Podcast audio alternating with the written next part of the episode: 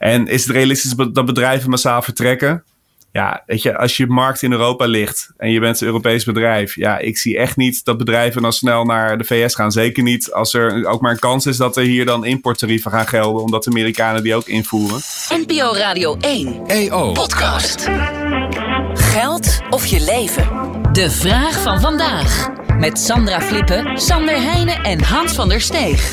Judith vraagt zich af, VNO-NCW-voorzitter Ingrid Thijssen waarschuwt, eh, dat was deze dagen in het nieuws, dat onze industrie verdwijnt als de Europese Unie niet gauw bijspringt. Is het realistisch dat bedrijven massaal vertrekken? Naar buitenland dan, heb ik aan wat ze bedoelt. Nou, misschien mag ik eerst even een heel klein puntje van orde maken. Ehm Ja. VNO-NCW, die staan altijd heel snel met het schreeuwen van moord en brand. En Ja. wat ik bij, eh, eh, bij, bij waarschuwingen van, van deze club dan heel snel krijg, net als met mijn kinderen, dat je ze na een tijdje wat minder serieus neemt als ze meteen, meteen zo gaan piepen. Eh, dus, dus dat was het eerst, de eerste reactie die ik had toen ik eh, deze vraag zag. En ik wilde het toch even benoemd hebben, omdat het wel misschien invloed heeft op de rest van de beantwoording van, van, van de vraag door mij. In ieder geval voor Jij mijn zegt deel. gewoon, Judith, ga maar lekker slapen. Nou, ik denk dat het. Er zit natuurlijk veel lobby achter. En eh, volgens mij, een van de problemen van de industrie zijn die hoge energieprijzen in Europa. Dat ten eerste. En ten tweede dat de Amerikanen en de Chinezen vrij protectionistisch eh, bezig zijn. Dus, dus, dus wat de Europese bedrijven willen, is nu ook protectionisme. En ik denk dat daar op zich wel iets voor te zeggen is. Ik ben alleen. Ik ben er niet zo huiverig voor dat die eh, industrie aan het verdwijnen is in Europa. En ik weet niet of Sandra het waarneemt, maar ik zie het nog niet echt gebeuren. Nee, en massaal verdwijnen geloof ik ook helemaal niks van. Eh, en ja, er is veel lobby. Zeker sinds dat compenseren en beschermen eh, echt wel een enorme trend eh, aan het worden is. Eigenlijk in Nederland, maar in heel Europa. En trouwens helemaal in Amerika. Maar er is wel iets aan de hand. En dat heeft inderdaad te maken met een aantal honderden miljarden die de Amerikaanse overheid aan het uittrekken is om bedrijven eh, in Amerika eigenlijk eh, enorme subsidies te geven voor het verduurzamen van hun productieproces. En ook huishoudens krijgen enorme subsidies, maar alleen als ze Amerikaanse waar kopen. En die bedrijven krijgen alleen die subsidies als ze in Amerika arbeidsplaatsen eh, creëren. Dus dat is eigenlijk enorm protectionistisch beleid. Als je niet beter zou weten, zou je bijna denken dat Donald Trump dit beleid zou hebben bedacht. Want het lijkt er eigenlijk best wel veel op. Los natuurlijk van het feit dat hij dat nooit ehm, voor vergroening zou gebruiken.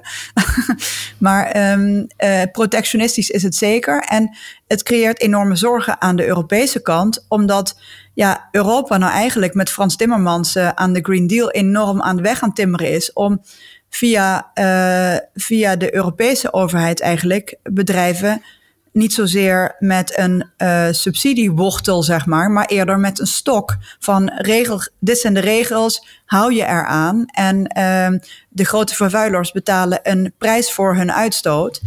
Ehm, ja, dat is, dat is de tegenovergestelde strategie, zou je bijna kunnen zeggen. En eh, ik ben daar helemaal voor, maar het werkt niet in een wereld waarin aan de andere kant van de oceaan enorme bak wortels wordt klaargezet.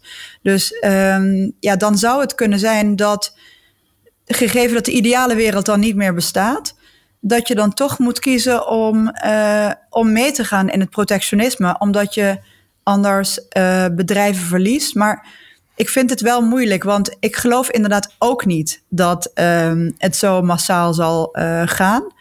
Bijvoorbeeld eh, Bas F., grote chemiereus in Duitsland, die had gezegd: eh, wij gaan naar Amerika als de Duitse overheid ons niet enorm tegemoet komt.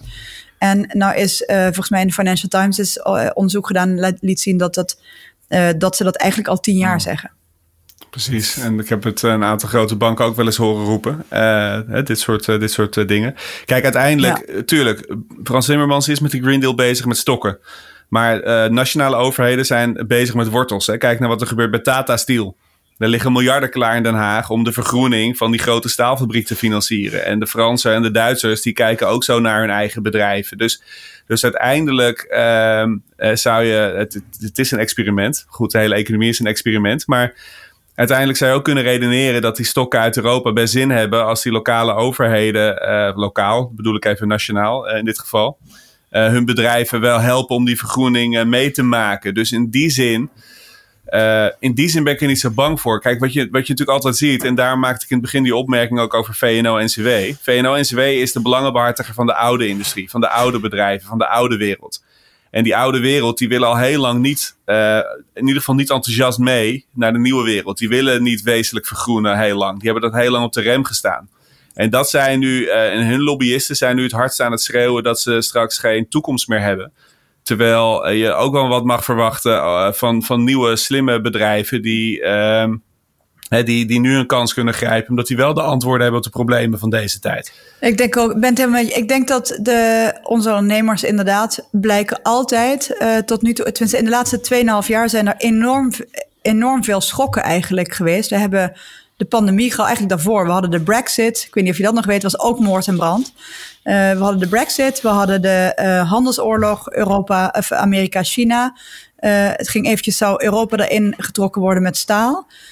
Toen hadden we de pandemie, toen de energiecrisis, inflatie. het, het gaat maar door. En, en ons bedrijfsleven blijkt enorm veerkrachtig. Dus dat ben ik helemaal met je eens. Um, ik denk zelf dat het misschien toch onvermijdelijk gaat zijn dat we inderdaad ook een grote doos wortels gaan klaarzetten. Maar waar ik vooral op hoop is dat we in ieder geval de stokken intact houden. Dus um, het is voor mij niet zo uh, erg als er veel subsidies worden verstrekt voor verduurzaming, mits die CO2-tax blijft voor de grote uitstoters en het liefst wordt uitgebreid naar het hele bedrijfsleven. En vooral ook eigenlijk de, de, de, nog de nulstap ervoor. Dat we stoppen met het subsidiëren van fossiele energie. Uh, want dat is nu nog steeds zo. Hè? Dus er worden echt uh, miljarden aan fossiele subsidies verstrekt. En dat moet echt stoppen. Sterker nog, we doen dat nu ook uh, vanaf massaal aan huishoudens. We zijn dat nu gewoon aan alle kanten, alle fossiele bronnen aan het subsidiëren. Nee, dat moet, dat moet stoppen. Maar... En is het realistisch dat bedrijven massaal vertrekken? Ja, weet je, als je markt in Europa ligt en je bent een Europees bedrijf, ja, ik zie echt niet dat bedrijven dan snel naar de VS gaan. Zeker niet als er ook maar een kans is dat er hier dan importtarieven gaan gelden, omdat de Amerikanen die ook invoeren. Ja, dat zou volgens mij economische zelfmoord zijn voor die bedrijven. En de doos wortels is al klaargezet ja. hè, door Ursula van der Leyen. Want die heeft dus al gezegd van misschien moeten we de, de voorwaarden en condities voor staatssteun maar wat versoepelen. Ja, ik hoop dat ze dat wel gebruikt als onderhandeling om te zeggen naar de Amerikanen van oké, okay, wij gaan uh, want eigenlijk zeggen die Amerikanen, je zoekt het zelf maar uit. Hè? We gaan niet, uh, uh, we gaan niet onze, onze doos wortels, wat, wat minder wortels daarin leggen om jullie tegemoet te komen. Maar um, je gaat zelf ook maar gewoon subsidies geven. Nou, ik vind, ik vind het prima dat Ursula van der Leyen dan zegt, nou laten we dat maar doen. Maar ik hoop dat ze ook wat meer kan duwen naar Amerikaanse zijde. om te zeggen van, maar, maar leggen jullie dan ook, zetten jullie dan ook een paar stokken neer, alsjeblieft. Resta eh, begin ook met reguleren. Maar ik moet wel zeggen, die Amerikaanse regulering is ook wel heel erg slim gedaan. Om één voorbeeld te geven. Ze hebben daar gezegd, uh, um, elektrische autoproducenten uh, moeten met hun uh, elektrische auto's onder uh, een bepaalde prijs blijven voor die auto's. Dus die moeten betaalbaar blijven voor de midden, hogere middeninkomen, zeg maar, in Amerika.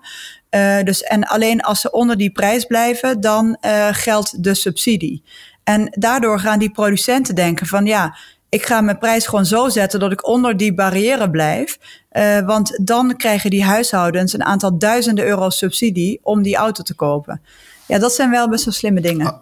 Ja. Kunnen wij ook wel wat, wat, van leren, denk ik. Nou ja, wat we misschien ook wel kunnen leren van de Amerikanen is, zij zijn weer, hè, we, we, hebben het over de energietransitie, hebben het heel vaak over zeldzame metalen. En dat lijkt een beetje een afgeleide in deze.